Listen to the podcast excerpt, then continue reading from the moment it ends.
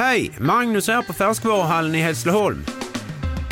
I vår frukt och grönt hittar du alla säsongens produkter, fräscha och till överraskande bra priser.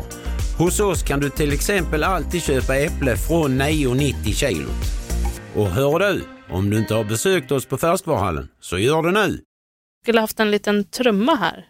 Varför då? För att kunna göra så här mm, drum, det. drumroll. Är vignetten. Vignetten. Nej men bara generellt. Ja, absolut. Det är jättefint. Tack ska du ha, Elin. Ja, kör vi. Är du med? Det här är Fighterpodden. Ladies and gentlemen, we are. I'm not surprised, motherfuckers. Touch gloves. Get ready for war. Ladies and gentlemen, the mauler, Alexander Gustafsson. Oh my God. Double leg. He just got double leg. I'm gonna show you how great I am. Alltså det är ett nöje varje gång ni sitter liksom och kör mimar i hela vignetten nu, är det så? Eller hur? Eller hur? Nu börjar vi kunna den, eller hur? Ja, det börjar bli bättre för varje gång. Man peppar upp sig, eller hur? Så är det. Man blir peppad av den. Man blir peppad av den. Namnet är alltså Fighterpodden. Det är alltså en podd om eh, fighting och kampsport. Jajamensan, det stämmer. Mm. Elin Blad, välkommen. Tack så mycket. Ja. Och Simon Kölle. Tackar, tackar. Och välkommen Mårten. Ja, verkligen. Mårten, jag tänker att vi vänder på det här lite nu. Nu är inte du beredd på det här alls. Hur har du haft det, Mårten? Ja, hur mår du? tackar, hörni. Jag har ju besökt Göteborg, så jag vet ju hur fint det är där nu. Är det, har du fort, är det fortfarande Ja, ja, så fint? Vi träffades ju för ett tag sedan, jag och Simon. Har du hört om det här nu, Elin? Alltså att, eh, vi var ju på den här Bulldog Media Fight Night och kommenterade. Just det. Ja, och så sitter vi där under kvällen. Det var ju för en kul gala så här, och då så säger, säger Simon så här, är det inte väldigt varmt? Ja, det är ju, vi sitter precis vid liksom ringside. Ja, det är väldigt varmt. Är det inte väldigt eller? varmt där liksom? Jag tänkte, ja, inte med med det. Och sen så knöt vi upp kvällen liksom, och dagen efter rapporterar han från tåget att han är på akuten och har, vad hände? Jag är inte från tåget rapporterar, men på akuten. Nej, men det var, gall, det var gallsten. Alltså, gallan hade ju inflammerats och sen var det Måste jag ha gallstenar. feber då när du satt bredvid mig? Ja, det hade jag. Det hade jag. Jag hade nog kanske 39 graders feber eller något sånt där. Och jag tänkte, och jag tänkte han, gnäller, han gnäller lite grann. Och, sen, och de tog även, eh, vad tog de mer? Ja, de opererade bort hela skiten så att det drog ut den genom naveln. Så att det... Nej, jag orkar inte lyssna på det. Jag, det är jag ser så. bara framför mig en så här skräckfilmsgrej. Alltså, du, du vet de här gamla filmerna där de slår in och drar ut hjärtat. Jag ser någonting sånt framför mig, Jag- jag fast med lite inte- mer precision. Precis, jag var ju sövd så att jag vet ju inte, men det var två och en halv timmes operation i alla fall. Och det var så konstig grej just att man precis har varit och kommenterat, varit i Göteborg och jag drack ju även någon rom med dig Mårten och grejer. Det var så här, kanske inte det bästa att dricka, så varning till alla som börjar få så här problem med gallan, drick inte jättemycket alkohol och grejer. grejer liksom. nej. Ja, nej. Men eh, jag lever. Men du ser ju väldigt pigg ut Ja, nu, men så nu- det, så det är skönt att se att du mår bättre. Ja men precis, det är, nu är jag tillbaka. Men nu får vi vända på det här igen då. Mårten, hur har du haft det? Hur är det? Mår mår Ja men det är jättebra med mig, kanon. Du vet ju för att ett år sedan så var den här podden inställd för då hade jag alltså diskbrock, jag kunde inte ens sända. just det. Och jag backade precis på datumet är det ett år sedan. Och här står vi nu. Här står vi nu. Podd Här nummer står du. 49 är det här nu. Wow. Fattar inte att vi är, vi är en podd från 50-årsjubileum. Och Du kan säga på en gång att vi är lite, ja det här med vår utgivning, den är lite ojämn. Något. lite ojämn. Men Jo, vi, men man vi, opereras typ och sådana. Det är ganska bra skäl ändå att vi har varit borta Ja. och lite sånt. Jag ska strax nämna vad vi har för fett innehåll idag. Men först Elin, hur mår du? Jag mår bra. Det, allt rullar på. Jag har mycket jobb nu. Nu, do, nu dodgar hon egentligen. Du, du ser väldigt kär ut Elin. Ja. Det är dit vi vill komma. Jag vet inte varför vi ska prata om mitt kärleksliv i den här podden. Jag har ju Men fått så mycket brev om det. Den här Ja. Elin, hon är mycket bättre nu än förut. Ja, vad kan Ja. det bero på? Nej, jag skojar. Jag, det var nej, lite taskigt jag sagt. Men eh, och hur går det i Svenska bud och kampsportsförbundet? Ja. Eh, Det går bra. Just nu är ju vårt fokus på eh, Riksidrottsmötet som kommer hållas sista helgen i maj i Jönköping. Det hålls vartannat år och det är då man egentligen tar alla stora beslut om i idrottssverige. Och det är ganska stora frågor som ligger uppe på bordet nu. Eh, För Riksidrottsstyrelsen har ju tagit fram en ny definition på vad, det, vad kvalificerar någonting till en idrott för att man ska kunna väljas in som Jädrar. sportförbund till RF. Kommer det från det här med att de ville få in eh, alltså, i e-sport och sånt. För det, de fick ju typ nej på det, om jag inte minns fel. Ja, eller på mötet för två år sedan i Karlstad, då tog vi beslut om att bordlägga alla ansökningar för att utreda frågan. För det, det var helt enkelt för oklart. Vad är det egentligen som krävs för att man ska kunna bli invald som ett idrottsförbund, IRF? Eh, Så där kommer det ju komma en del förslag på och det, det ska stötas och blötas och vi har tre dagar på oss att lyckas ta beslut. Dels om det, eh, dels om vilka sen som ska väljas in, eh, hur stödfördelningen mellan förbunden ska se ut. Så det, det är riktigt stora frågor som ligger uppe på bordet. Men är det inte enkelt alltså? Idrott, någonting man duschar efteråt. Punkt. Fast schack anses ju vara idrott också. Liksom. Nej, nej, men schack räknas ju inte. Ah, det gör inte Nej, men det? det, finns ju en... Som sagt, någonting man duschar efteråt. Men det, det finns ju liksom en hel lång Dart. definition som de har tagit fram. Och det som är lite det bärande meningen i den, det är att den fysiska aspekten av utövandet får inte vara av försumbar karaktär. Okej, okej. Vilket betyder att till exempel schack, det, det fysiska i att du flyttar en pjäs, det kan någon annan göra åt dig. Så där kommer ju många falla bort. Dart då? Hoppas ni löser det där Elin. Ja, Ja. det låter jobbigt. Det låter... Nu ska inte du, du är ex- kampsportexpert så får du svara på dartfrågor och grejer nu. Men Vi är ju inte bara i kampsport, alltså Nej. vi existerar ju i idrottssverige. coolt. Ja, jag ska bara ta en tag här innan vi går in på dagens podd här. Vi har fått ett mejl, det var ju Lisa Johansson som frågade. Eh, jag vill bara kolla, i senaste podden så sa ni att eh, thaiboxning, man får inte gå VM om man har vunnit proffsmatcher, men flera av våra lands, landslagsstjärnor är ju proffs. Sofia Olofsson, Patricia Axling, Sanne Dahlbäck. Vad gäller egentligen? Ja, men Lisa har helt rätt och eh, faktiskt om man lyssnar på den podden kan vi kanske till och med klippa in. Ja, det kommer från här. Det jag har mest erfarenhet av och vet mest om är ju MMA och där är ju reglerna stenhårda. Om du någon gång har gått en proffsmatch så får du aldrig gå tillbaka till att gå amatörmatcher. Då är den dörren stängd. I, I faktiskt MMA så kan man faktiskt ändå gå, man kan gå proffsmatcher och sen gå amatör. Så där är det faktiskt fel Elin. Det, det, det är väldigt sällsynt. Men det har hänt. Eh, Jag, jag tror att Edris är väl en av dem. Jag kommer faktiskt inte ihåg vad han heter i efternamn, men eh, Rafigi tror jag. Eh, om jag inte minns fel så är han en av dem i alla fall. Jag kan Är det fel. så? Ja, precis. För om du inte går så bra för dig som proffs, då anses du, vadå, ska du, då är du helt slut i så fall då som fighter. Då kan de liksom degradera ner eller vad man nu ska kalla det, så Okej. till, tillbaka till amatör. Det är inte vanligt, men i thaiboxning är det dock lite annorlunda. Där kan du liksom vinna ett antal matcher och, som proffs och sen ändå gå amatör. Today jag- I learned. du lär dig något, men samtidigt, jag tror inte att man får ställa upp i VM och EM och sådär. Det får man nog absolut inte om man har gått en proffsmatch.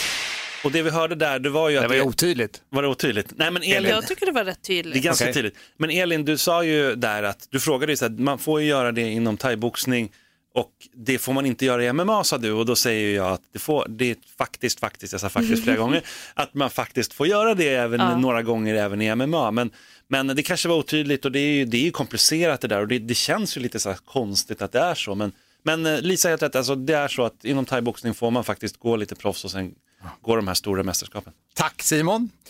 Hörni, vilken jädra podd vi har idag. Wow, wow. Så vi ska prata alldeles strax. Få gäst det är Panikiansa som kommer hit. Häftigt. Kul, henne har vi haft på telefonen massa gånger, nu kommer hon hit. Kul. Och så ska vi såklart ringa upp till Babak Ashti som är grundare av Superior Challenge. Hur har han pulsen just nu här när det är Superior Challenge 19? För det gör vi varje är det. Challenge. Ringer och stressar honom lite Ja. strax innan. Det är ofta väldigt bra galor. Och det var superbra sist på, på Cirkus. Och så såklart så ska vi ju ringa till eh, vår bästa kompis Jack Hermansson. Ja. Härligt. Alltså vilken grej. Ja, och nu är han alltså nummer fem i mellanvikt och vi har ju haft med honom i podden här och varje gång, han är ju så full av självförtroende men så jädra ödmjuk. Så ödmjuk.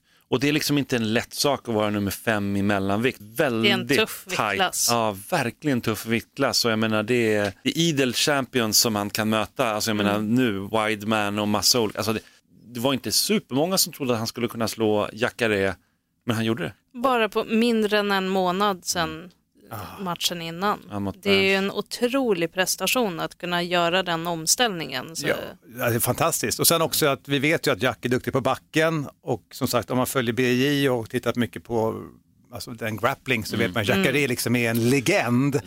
Och Jack nästan drog ut honom i den här giljotinen som inte riktigt är en giljotin. Den måste vi reda ut. Vad heter den här och vad är det för typ av teknik han Ja använder? men verkligen och jag tror att nu är det ju så här att Jack får inte bli nominerad på Kampsportsgalan. Det är väldigt synd för att är det någon som borde bli det nästa år Ja, han så är är ju- han. Får inte, han, Han är är ju svensk. norrman nu ja. Nej men han är svensk men han, han tillhör inte någon svensk klubb. Ah, okej. Han kan få vara med i Berserk MMA. Eller hur, bara liksom ta, adoptera honom. Liksom. Ja, lätt. Men hörni, vi har jättemycket att göra Ja. och vi ska bara kort innan vi tar in Panny här ta lite kampsportsnyheter.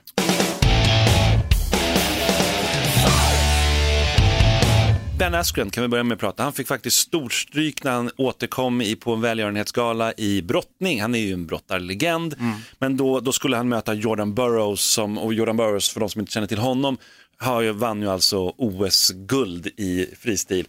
Så det är ju så här, det är ju att möta verkligen den bästa just nu. Och Jordan Burroughs manglade honom, vann ganska enkelt den där brott, brottningsmatchen. Så att, eh, men, och ändå då, Ben Askren är ju liksom, i 19-0 i MMA och tar hand om de flesta liksom, med sin brottning i MMA. Men var det underhållande? Nej, ja, eller så här, hyfsat. Jag, väldigt många tittade på den där sändningen bara för att det var Ben Askren såklart, men, men det, det, var en, det var helt ensidigt. Han right. drev honom direkt ut ur mattan det första som hände och så här. Så att han, han krossade honom. helt- Alltså det var ju verkligen, det var 11-0 och då blir det liksom, då vinner man. Så att, eh, ja, nej det var väldigt tufft, men jag tror att Ben Askren också visste det och han gjorde det för välgörenhet och sådär. Och Dana White har inte varit så långsam på att säga att Jordan Burroughs vill komma in i MMA så är han hjärtligt, hjärtligt välkommen. Han är så bra på det. Han är på det där. jättebra på det alltså. och, och Jordan Burroughs har sagt att ja, men en MMA-match vill han ändå ha någon gång. Ja. Men du frågar om får han det verkligen i UFC och sådär. Vi får se, vi får se. Jack Hermansson, vi kommer prata med honom. Han har ju slagit eh, Ronaldo Jacare Sosa och David Branch inom en månad. Otroligt fantastiskt verkligen. Nu är han rankad femma i världen. Och då ska vi titta på vilka andra svenskar tänkte jag som är rankade sådär högt. Då har vi Alexander Gustafsson, han är rankad tvåa i lätta tungvikten. Jack Hermansson är i mellanvikt och där är han då femma. Sen har vi ju då Ili Latifi, han är rankad 10 i lätta tungvikten just nu i UFC. Och sen så har vi faktiskt Lina Länsberg som är rankad nummer 14 i bantamvikten, den dambantamvikten. Då. Så att vi har ju en bunt svenska, vad säger du Mårten? Alltså, vad, vad är det som händer egentligen med svenska MMA? Ja, men det är väl generellt så att vi har ju en jävla fin utveckling, men någonstans är det några namn som har dragit och ett intresse för MMA och liksom förebilder. Det är ju bland annat Alex framgångar. Alltså framgång föder ju framgång, det är ju så. Ja men verkligen och sen när man tittar också på Jacks karriär, vi får prata med honom om det tycker jag, jag ska inte dra det nu men det, det finns någon sorts likhet mellan hans och eh, Alexander Gustafsson tycker jag. Donald Cerrone om vi stannar kvar lite med MMA, han slog Ali Quinta och på domslut och den galan var supertråkig tycker jag. Det, jag vet inte om ni har sett den, men det var, nu gäspar också Elin och det, det gjorde jag under hela den galan. Typ. Riktigt dålig gala faktiskt. Och, och UFC har haft lite problem, nu har de ju gått över till ISBN plus då nu. Och de har, ju så här, de har inte haft jättebra siffror det här året. Är det så? Att, ja, de har faktiskt gått ner och det var länge sedan de gick ner. Så att, mm, den här eh, Israel Adesanya, liksom, den, när han gick den fighten sist, då, den gick Mot, inte mot heller Silva eller vilket tänker du på? Nej. Ja men precis, då, Ja. den gick inte heller så bra. Det, Va? pay per view siffrorna var inte superbra, det var under 100 000 och det är väldigt dåligt för UFC. Bellator brukar ligga på mer. Man ska, alltså, Det man ska är ju veta det. väldigt lågt. Ja, man ska ju veta det, alltså, nu kan man ju fipa så länge det här, men de låg ju på Fox innan och så Mm. tog ISPN över. De kontraktsförhandlingarna och de här pengarna, det är enorma det är pengar ju- som ja. ISPN har gjort. Liksom. Så förväntningarna, alltså man vill ju som det heter få avkastning på sin investering. Ja. Man är inte speciellt nöjd om det går åt fel håll. Ja, men precis, och sen att det här var ju en pay per view-gala, då, den som gick så dåligt. Och då, då tänker man, ha, har det någonting med att man får ett ty- citationstecken gratis på ISBN plus, jag vet inte. Eller så är det bara till, Dana White är ju med sig rycker på axlarna, det går upp och ner i den här branschen. Rätt vad det kommer en stor match, då kommer det gå bra. Men han måste nästan säga Han det har också. också 500 miljoner dollar och rycker på axlarna så han kan liksom... Exakt, han har sju års kontrakt kvar med UFC, så äh, jag tror att han, han är rätt chill där. Eh, närmaste UFC-galan som vi har att se fram emot är UFC 237 i helgen. Där kommer Rose Namajunas eh, gå om stråviktbältet med och mot Jessica Andrade. Eh, och där får vi kanske se, apropå Anderson Silva, det kanske blir hans sista match. Det är rätt troligt att det blir det. Ja. Så där då han kommer möta Jared Cannonier och det är ju, det känns ju som att han, bo, han borde kanske slutat redan. Jag tycker det är tråkigt när man ser så bra fighters liksom gå ner sig på något vis. Eller vad säger ni? Ja, men alltså det är det här, lämna på topp, hur ska man göra, när ska de sluta? Men det är väl det här klassiska att de helst vill sluta med en vinst. Och den här galan Och sen då? när man väl Ja. vinner då, Då, då bara, ja men det, det här gick ju ganska kanske bra, jag går, kanske liksom. bara kan ta en till. Ja, men det- Adesanya-matchen är alltså the last stylebender. Det var ju lite grann den nya generationens Silva. Det var ju så. Ja, och så vann ju han mot Silva. Ja. Alltså den matchen vann ju då inte Silva. Nej, då får man ta en till. Jag tror att han vill ha en vinst innan han Och slutar. Silva har varit lite så här skum. Jag menar, även när han var i sin, på sin topp så gjorde han så här skittråkiga matcher. Den anses vara en av de tråkigaste matcherna när han möter Damien Maya en gång i tiden. gud. Jättetråkigt. Så Den tråkigt. kommer jag ihåg. Och han var liksom så här, plötsligt så vill inte han, jag menar, han, ska, han är ju en MMA-fighter, han ska ju ta ner Adesanya och dra ut, han är svart bälte liksom. Jag menar, han gör det, han testar inte en enda nedtagning. Ja, men han har ju en grej Silva, vi ska inte fastna bara, men han har ju en grej det här när han plötsligt ska ta ner armarna och liksom vet, försöka slå mig för att jag är så snabb i mina huvudrörelser. Ofta blir han ju träffad nu för Ja, tiden. ja, ja. Så träffar han jabb och så tänker han, typ så vinglar han till som att han fejkar att han blir träffad. Men han har ju faktiskt blivit det. Och vinglar till och sen är han på backen. Ja. Ja, nej, men det är lite tragiskt att se. Och nu då, för att hamra in den här spiken i kistan ännu mer då, så på den här galan nu då, det, det, för mig känns det som, det här kommer vara som en tidsresa. För lyssna på de här namnen, José Aldo, jag menar han var ju jättestor, jag menar han är fortfarande bra, va? men Thiago Alves, det är också ett gammalt namn, Lil Nog kommer upp och kanske går sin sista fight, BJ Penn, som har förlorat en miljard matcher i rad nu, han ska också Alltså gå. det här, är, det, är det någon sån här reunion från 2008 Ja. som sker på det här kortet? Klassfest. Det var, Ja, men klass, verkligen. Class of 28. Och han möter Clay Guida och det är också så här Åh, fighters som va? har funnits kvar. Ja, ja. Skojar du mig? Nej, jag har inte ens kollat kortet förrän du Det, säger Nej, det. inte jag heller. det är Det här nästan är så här ju- bisarr gala på så- sitt sätt. Liksom. Ja, det, det låter jättekonstigt. Ja. Det, det är nästan man måste kolla på det bara därför. Det är så här Men det är också konstigt gam- att BJ. Penn mötte. Clay Guida, ja. ja. men det är liksom så här, det är old style mot old style. Ja. Det känns liksom som att... Men backa. snälla BJ Penn, lägg ner. Ja, liksom. Ja, verkligen. Han blev utdragen sist. Nej, jag vet inte. Men eh, vi håller oss kvar lite i MMA-världen i alla fall. Tänker att vi fokuserar lite på svenska MMA-framgångar och eh, misslyckanden den senaste tiden. Karl Albrektsson, nu har han gått över till 9-2, gick match på Rising i Japan och eh, slog där Cristiano Frolich. Och det är ju, alltså, Karl Albrektsson skulle gått på Superior, jag hade väldigt gärna velat se honom, men han tog lite stryk där i den fighten och kan tyvärr inte gå matchen. Men Karl Albrektsson, wow, det är riktigt spännande. Amir Albazi, som vi haft med i podden, han förlorade faktiskt sin första match, han gick i karriären, han gick den i Brave och där mötte han en UFC, en UFC-fighter som borde ha stannat i UFC för han är verkligen så pass bra. José Torres förlorade på domslut där så, att, så nu är han 11-1 då, i record och det, det känns ju inte som att det, det kommer inte göra jättemycket. Han är ju där och Det är liksom ingen precis. katastrof så att Nej, säga. verkligen inte. Men, liksom. men Amir kanske behövde den förlusten då? Kanske. Det blir intressant att se hur det blir framöver då, om vad han får för sorts revival efter Ja, den. men eller hur. Så nu har vi en sån här fighter som flyger lite under radarn i Sverige. Det är väldigt få som pratar om honom. Det är Kamsat Chimaev som tillhör Allstars. Då, och han, han gick till 4-0 han vann en väldigt svår match där. Men han, han avslutade den i första ronden, precis som alla andra sina matcher. Han är väldigt grym, alltså. det, honom ska jag verkligen hålla ögonen uppe för. För det, där tror jag att det kan vara en framtida topp 10 UFC-fighter om några år. Jag tror verkligen det. Han är ju på ett bra gym som du säger med Allstar. Men är, är kortet satt första juni för UFC? Ja, han är, det är nog lite för tidigt för att han ska kunna komma dit kanske. Jag tänker att de vet så här, förmatch någonting. Ja. Ja, kanske. Men det, det är liksom, nej, men det är en väldigt, väldigt spännande fighter. Så en annan väldigt spännande fighter är Andreas Bain Gustafsson. Gustafsson är ett bra namn har vi pratat om i MMA. Han har gått till 3-0 och, och slagit sin en motståndare som hade 34 matcher i bagaget. Som Wow. han, mötte då. han hade varit 2-0 och då var det så här, för att han skulle kunna möta den här, för han fick egentligen en lite lättare motståndare, då sa han så här, nej men jag tar inget arvode om jag får möta en svårare motståndare. Så han åker iväg, tar den här fighten, vinner den. Och jag menar, han är en otroligt lovande fighter verkligen. Och det är ju en Västerås-fighter. Det, det, det, Han, är väl, eh, han var väl i eh, MMA-landslaget där och har steppat upp till proffs efter det. Det är väl eh, en av Jörgen de från, Hambergs- precis, ja, Jörgen. Hambergs gäng från Västerås Fight Club. Ja men exakt, och han har en bakgrund inom brottning. Han är väldigt stark, stor brottare liksom. Sådär, med schyssta tatueringar. Det är lite hans kännetecken. Är det USPen? Ja, men exakt, det är uspen för honom. Ja, men bortsett det så har vi haft väldigt intressanta amatörmatcher. Vi har haft på Excellence eh, Fighting Championship 1, Linköpings första MMA-gala. Där gick det tre proffsmatcher där. Irman Smajic, tidigare VM-mästare flera gånger, bland annat. Han gick till 2-0. Elin Öberg gick till 2-0 också och eh, Oscar Biller gjorde en väldigt bra debut. Så det var en spännande gala. Sen, Elin Må- tog väl något bälte där? Eller? ja, hon tog, ja, Ja. När det är första galan och så delar de ut ett bälte. Jag vet inte Ja. hur mycket det är värt men det är alltid Det var hon- säkert kul att få ett bälte. Ja, och jag menar hon gjorde väldigt kort sak av, av eh, matchen där i Superior och nu gjorde hon, avslutade hon den här fighten också.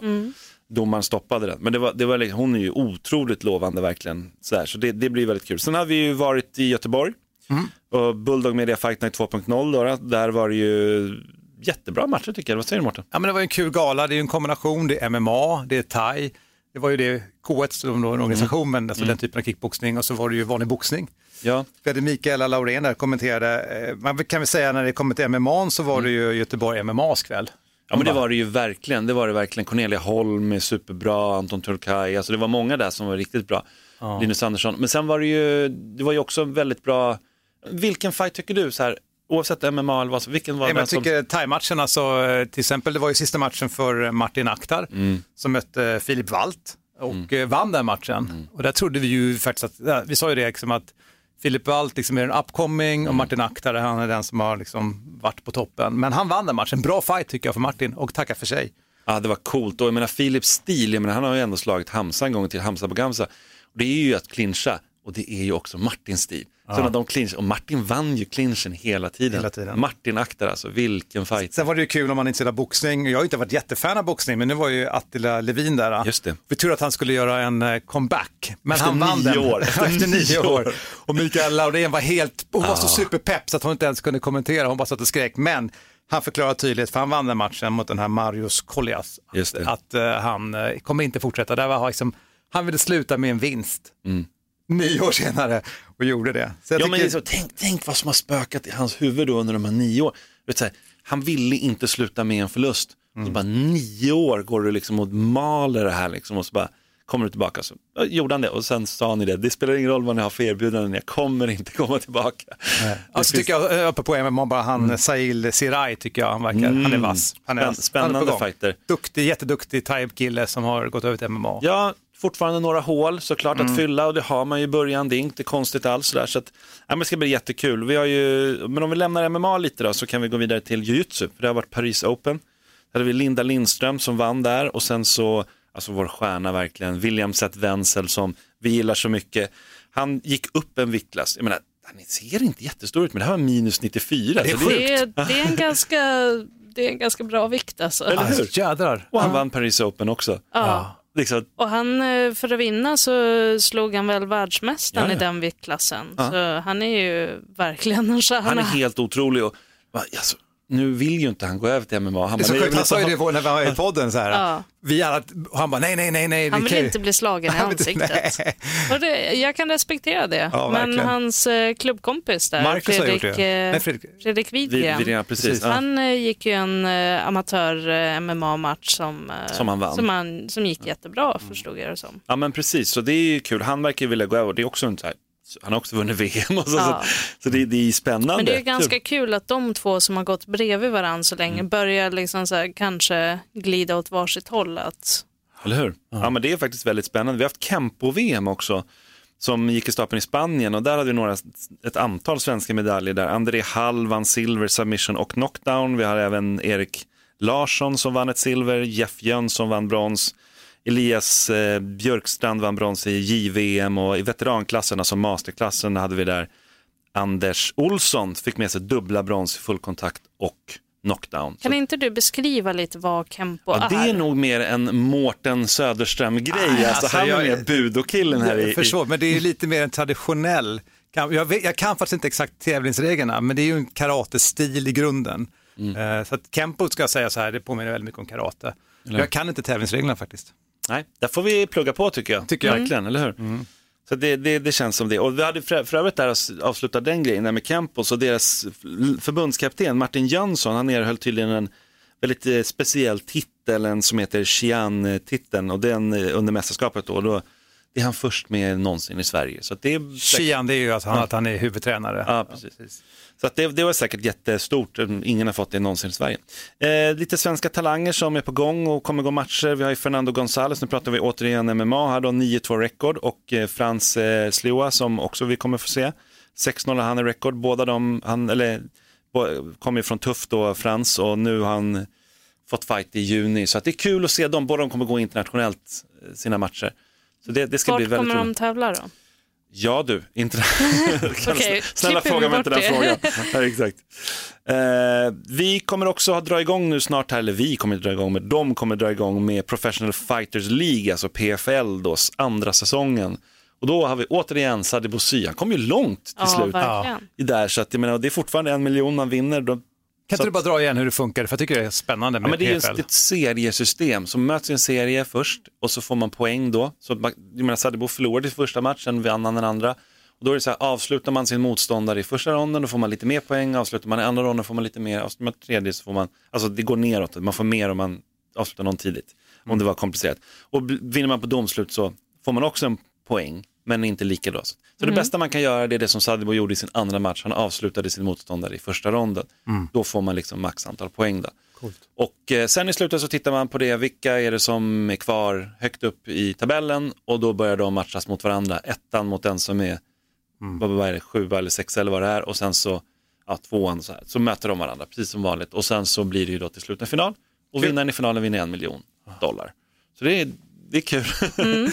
och där kommer, han, han har fått sin match, den är redan klar vilken han, vem han ska möta. Han ska möta David Michaud som är 14-4 som eh, Ja, han har vunnit tre i rad nu på knockout och TKO, så det är, en, Wow. det är en tuff fighter och han har också fightats i UFC, där han gick 1-2 och han har också fightats i Bellator. Så det, det är inga lätta fighter man går. Hur, eh, hur länge pågår den här eh, Ja, den, den på, pågår hela vägen fram till december. Ja. Så att det- blir liksom en nyårsgala-ish typ där. Ja, Så coolt. att, så, och då Spännande. avslutas liksom. Ska vi följa PFL? PFL säsong två, precis. Sen framåt då så har vi Superior Challenge och det kanske inte jag ska prata så mycket Nej, om. vi kommer vi, prata kommer nu, prata med Babak så det, det är helt lugnt. Samma kväll faktiskt, nu på lördag så kommer The Blitz, en blandgala, kickboxning, boxning också gå av stapeln. Lite liknande där, den Bulldog Media Fight Night.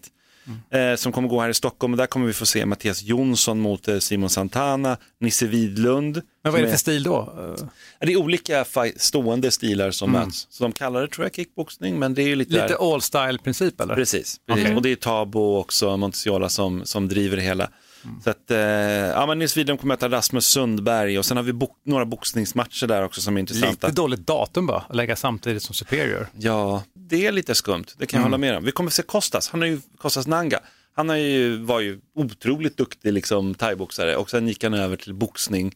Så att jag tror att under hans, han har hållit på typ sex månader eller någonting och redan börjat vinna och liksom kommer vara i landslaget och allt möjligt. Så att han är ju verkligen på gång inom boxningen. Han kommer gå match där emot Viktor Olsson och sen kommer vi göra Moltas Lundström som kommer möta Hardy Åkerlind. Det är många andra matcher också men de, är lite, de sticker ut lite för de som känner till dem. Och det är väl också, för Superior nu på lördag, det är ju en lite speciell lokal på, i Cirkus, Cirkus. på Djurgården och den här kommer hållas på Göta Lejon, eller hur? Exakt, exakt. Så Det har de gjort förut en gång. Ja, det, teatermiljö är det nya för MMA. Spännande. Eller jag gillar nygamla. det. Jag gillar Ja. det. De har ju, alltså, Irfa har ju haft gala på, i Berns och det, var, det är ju också ett ish teatermiljö, i alla fall Ja. ser ut som det är där inne. Och det är ju, alltså jag, jag, de här inramningarna, det är så mycket mysigare än när det blir liksom en gympahall. Bulldog, Ja. Bulldog Media Fight Night hade ju på ett hotell. Och så här, Pop, på, alltså posthotellet i, i Göteborg, ja, super, sn- det är nice ett hotell. Ja, ja, verkligen. Och mitt i den här liksom, lokalen så är den här fighten. Det var, Vad häftigt. Ja, verkligen. Så ja, det var, men det, det kändes bra. Men jag Det- tror det att det är en- sånt de måste göra för att kunna, alltså Superior och Blitz och alla de här, de behöver ju göra sånt för att kunna konkurrera. För det är ingen idé att bara försöka sälja ut en stor arena, för Nej. UFC har den det marknadsandelen blir i bättre också när det är tajt. Alltså, det är härligt. Ja. Va? Det är jättetajt. Men hörni, Panny är här.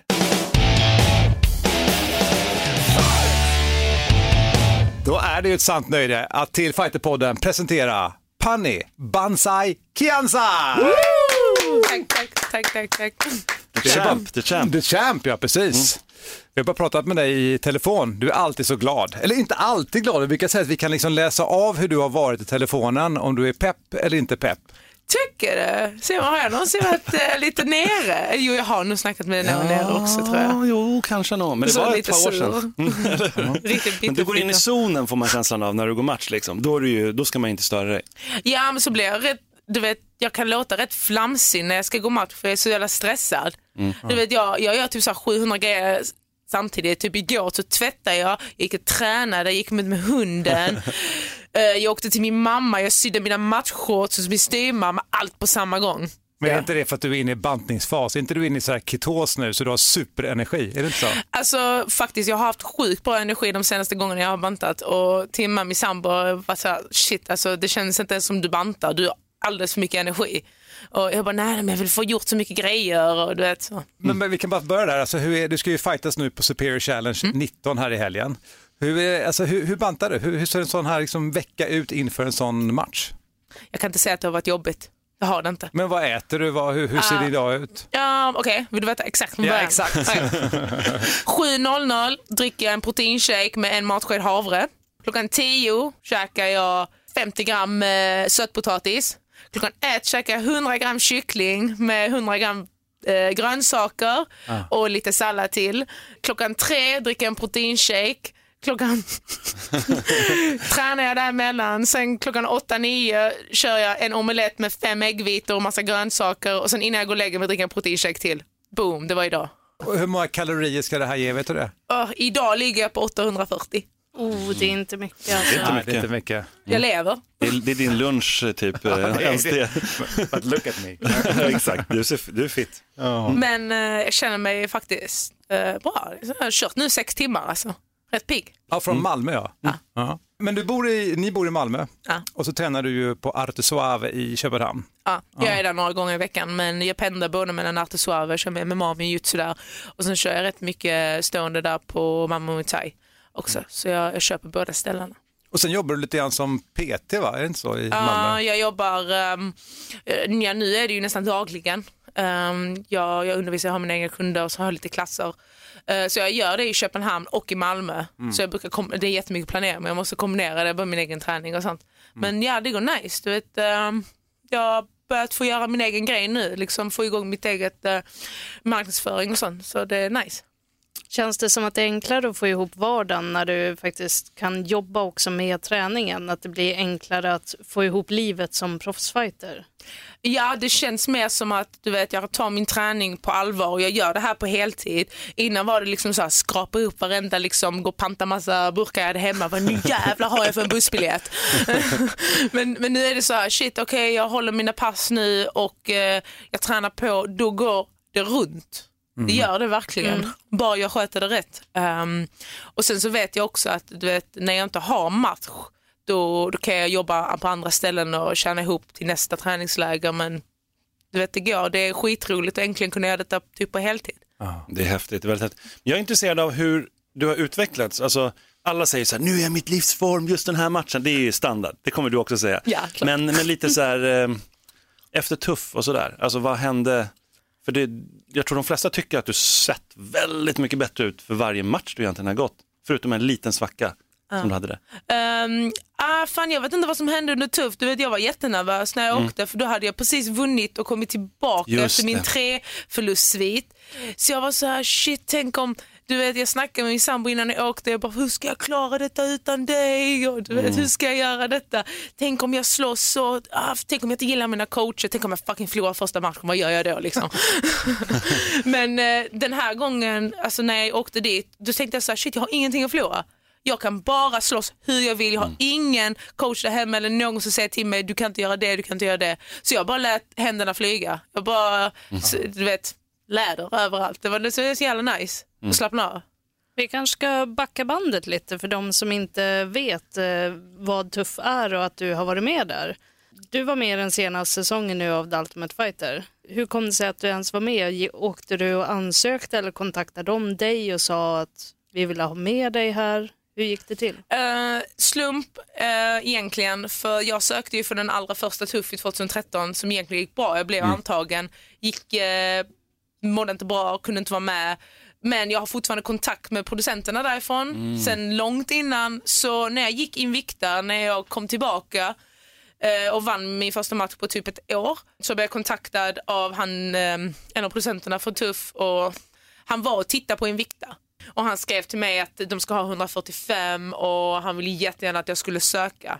Och då fick jag lite så här, jag bara shit men varför inte? Liksom vad jag förlorar du vet. Så jag sökte och du vet det, det kändes precis som 2013 att vara tillbaka. Det var ingenting var förändrat. Jag gjorde bara, vi rullade. Så när det var dags att slå mitsa så sitter de där och alltså matchmaker och tittar och så får man typ 90 sekunder på sig. Så jag bara, fuck det, jag ska ta av mig eh, tröjan, jag ska bara gå in i sportbil för jag var helt jacked. Jag hade precis gått match. Så jag bara, okej, typ så här, putta bort folk för nu ska jag styla. Det är precis det de älskar. Det är så. Så jag och Elias, vi hade tränat på flera coola kombos. Vi gjorde såna, mina kombos, lite Mayweather-kombos. Det såg helt grymt ut. Det lät över hela salen. Och du vet, helt ärligt, jag fick alla ut som skit där inne. så jag bara stylade och sen bara stack jag ut där det var skitnice. Så jag bara tänkte, okej, men ehm, Men du hade lite försprång då att du redan hade gått igenom det här en gång. Ja precis, och jag tänkte jag vet precis vad de vill säga, bara gå in och bara förstör för alla andra och gå ut liksom. Det är väldigt intressant också att du säger det att sen 2013 till då när det här hände 2018 att det inte har hänt någonting i hur produktionen går till. Ingenting, För man tänker ju ändå att det här, det, det borde ju vara ett program där de, okej kan vi utveckla det här, kan vi göra det bättre, hur ska vi göra för att få rätt personer, men de bara kör på med exakt samma det, är grej. det som har fortfarande liksom detsamma, du vet, även om du tänkte åh den här personen, skitbra record, skitgrym, blev inte vald. Det är jättevanligt och även, och sen så valde de kanske folk som hade min, minus record till och med, men de kanske var skitsnygga. Alltså verkligen TV, du vet så. Och sen så, jag hade nog rätt bra record, jag tycker nog jag ser skaplig ut. Men, men, men jag kan slåss. Jag, jag trodde att jag hade kommit med, men du vet de ringde inte mig ändå först fem dagar innan flyget. En, jag hade kontakt med en av dem och han sa I think you're good, du vet så, här, så du vet börja packa. Du vet. Wow. Och så, jag visste att jag skulle åka så jag, jag ringde jobbet och bara nej kommer inte, vi ses om typ sju veckor. Så det var nice. Si- Simon har alltid frågat här, hur mycket fick du betalt för att vara med? Jag har aldrig frågat det för sig, men han är alltid så intresserad, det är Mårten. Jag fick veckopeng. Det Veckopeng. Får man betalt hur länge man är kvar eller får man en fast ersättning Eh, Du får eh, per vecka. Per vecka? ja? Från det starten du åker till Vegas och sen... Och så, överlever ja. man liksom? Så... Precis, så att, alltså, de tänker liksom ni är inte hemma och jobbar så ni måste ju få liksom, Mm. någon ersättning. Så du vet, jag gick inte minus eller absolut ingenting. Så det var, det var nice. Du, och, och Bea var ju med också, Maleki. Ja. Visste du om att hon skulle vara med eller hade du koll på henne på något sätt? Nej, jag visste eh, att hon skulle komma på uttagningen och jag, jag bara kände på mig såklart att vi, vi båda skulle komma med. Så jag tänkte två svenskar, jag vet inte om de väljer båda. Aha, okej. Men alltså, vi hade skitkul, vi hade världens bästa lag och jag var jätteglad att vi hamnade i samma. Ja, det var ju också faktiskt jättekul. För jag trodde att jag och Bea skulle vara du vet, helt varandras motsatta men du vet, vi, vi klickar jättebra och jag är jätteglad att vi hamnar i samma lag. Ja, men sen var det ju konstigt, för sen gick du i finalen, du kom ju ändå till finalen, det är grymt bara det. Som sen inte fick kontrakt. Alltså det är sjukt konstigt. För det var, det var inte som att du så gjorde en jättetråkig match, du, ville, du bara sprang iväg, du ville inte liksom, utan du fightades på den matchen och så här, ja. Alltså ska jag vara helt ärlig så tog det rätt hårt på mig Förstår ett jag. långt tag. Det gjorde jätteont verkligen för jag kände att jag med min ålder, med min record och allting, jag har mest potential. Sverige, Europa och jag Ja, tycker verkligen. att jag kan göra bra intryck i världen också och det är det som, precis som jag har sagt innan i någon intervju när, här, eh, häromdagen, är att ingen, inte ens den största organisationen, inte ens om min mamma eller pappa hade sagt till mig, ingen ska bestämma mitt värde. För Mm. Är jag bra. vet hur mycket jag är värd och jag vet om att så fort jag kommer dit, jag kommer bara slå de här brudarna. Så är det bara. Men vad, vad sa de ändå till dig? Alltså, det är ett väldigt märkligt samtal. Uh, det var förbestämt tydligen sen innan att ing, alla, de som förlorar på det kortet kommer inte bli signade och det blir ju inte heller min lagkamrat um, eh, Justin Frazier. Just det. Just. Han var ju också i finalen, han har ju skitbra record och är världens, var världens underdog men han fick inte heller. Och han, det tog väldigt hårt på honom det också. förstår man ju. Han var är- väldigt känslomässigt nere. Det är ett jäkla skumt sätt av dem att resonera på att de som ändå har lyckats ta sig till final men inte vinner där, de ska inte få någonting. Men de som åker ut i sin första match, där är det okej i ett kontrakt. Jag trodde väldigt lång tid att det handlade om mig men det gör ju lite, jag vet inte om de, de ville se mer avslut från mig. Visst jag har inte avslutat jättemycket folk i min karriär men jag är väldigt dominant och jag tycker en dominant tjej är väl bättre än en tjej som förlorar.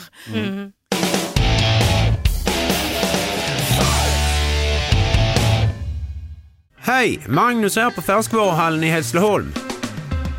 I vår frukt och grönt hittar du alla säsongens produkter, fräscha och till överraskande bra priser. Hos oss kan du till exempel alltid köpa äpple från 9,90 kilot. Och hör du, om du inte har besökt oss på Färskvaruhallen, så gör det nu! Sälja bilen? För dåligt betalt av din traditionella bilhandlare? Växjö Bilförmedling hjälper dig. Vi börjar med en kostnadsfri värdering. Tänk vad skönt att slippa tvättning, fotografering och ta hand om alla tänkbara och otänkbara köpare. Se vår instruktionsfilm på Facebook om hur det fungerar och anlita oss. Växjö Bilförmedling. Ska vi ta lite i din bakgrund bara? Alltså, Hur hamnade du i kampsport? Och, ja, Mm, började boxas i Helsingborg. Um, gammal var du då? eh, jag skulle fylla, fylla 14, Mhm. så jag var rätt ung. Mm, Jag började gå matcher Typ rätt fyra år sedan. Men ärligt talat, jag var på den tiden så, du vet, jag önskar jag hade det huvudet jag hade nu, men det kan man inte säga, men jag, jag vann inte så ofta när jag var ung. Jag gjorde bra ifrån mig när jag var som ungdom, men sen så gick det längre och längre tid och du vet, jag var så medelmåttig på den tiden och det var det som fick mig att sluta. Ehm, så hade jag börjat boxas nu så hade jag varit skitgrym tror jag. Ja. jag är såklart, mycket bättre boxare nu än vad jag var när jag, när jag boxade som amatör. Och så när jag gick över till MMA 2010 eh, så började jag med submission wrestling. Och, eh, det jag, och när jag började med MMA, du vet, alla ville att jag skulle vara så jävla grym på takedown defense bara för jag var en jävla bra boxare. Alla bara, "Ah, du måste lära dig för, du vet, komma bort från marken. Och jag bara tänkte, fuck det, jag ska bli bäst på allting. Så jag tävlade var och varannan helg i flera år. I BJ, submission wrestling, shootfighting, amatör, K1, allting. För jag ville bli bäst på MMA, jag ville inte bara vara en skitbra striker. Och, och boxningen har du ju absolut kvar, Ja, verkligen. men det beror på backen också. Jag är skitgrym på backen. Sen eh, du vet, har jag bara mött folk som är lila, brun och svart bälte. Och jag har jag har förlorat mot svartbälten men det är liksom skiter jag i. Ja, jag älskar det. Det är så bra. Ja, men du har alltså, och sen också så här, din historia med Lina Länsberg, också som ändå har gått väldigt bra. Jag menar, hon, är så här, hon är 14 rankad nu i världen. Liksom. Alltså, det är så här, du har ju varit högre på men inte i papper. UFC. Ja, på, papper. På men, papper. ja, men du slog ju henne ändå. Och det var ju ganska tidigt i hennes karriär, men hon, då var ju ändå hon en grym striker redan då. Och, sen så, och du manglar ju ner henne där i den matchen. Jag skulle ju inte vunnit den matchen. För jag var 21-22 år. Jag skulle möta en kvinna som var 31. Och jag var underdog och jag skulle inte ha något där att göra. Jag skulle bli nermanglad för hon var striker. Men jag ville bara visa att du vet, man är ingen striker förrän man visar vad man gör. Liksom. Och jag, jag boxade, jag tycker jag boxade ut henne, jag tog ner henne på marken, jag avslutade henne där. Så du vet, jag kände bara så här, för ingen ska komma in här och säga att jag är en underdog. Minns jag fel eller var det lite skitsnack också innan den här matchen? När jag fick den matchen erbjuden så hade jag precis gått på Vision, så bara en månad senare. Och jag var skitglad. Jag bara, fan jag ska möta en cool brud som har så jävla grym bakgrund. Men hon bara började liksom säga att, eh, du vet, jag, hon började skitsnacket och säga att jag hade mött bara skitdåliga sopor och sånt. Så du vet, hon började trashtalk och tänkte, okej men är det så? Jag vet, jag har aldrig varit med om trashtalk. så jag bara så, okej, okej, okej, fan. eh, Så jag åker till Malmö och spöar upp en malmöit och sen blev jag själv malmöit. Ja. Ehm, nej men alltså jag bara hakar på. Jag bara okej, men vill hon ha skitsnack så måste jag ju då spöa upp henne ju. Så, ja. Det är den bästa formen också. Det är liksom att, när det är skitsnack menar jag, att vinna matchen.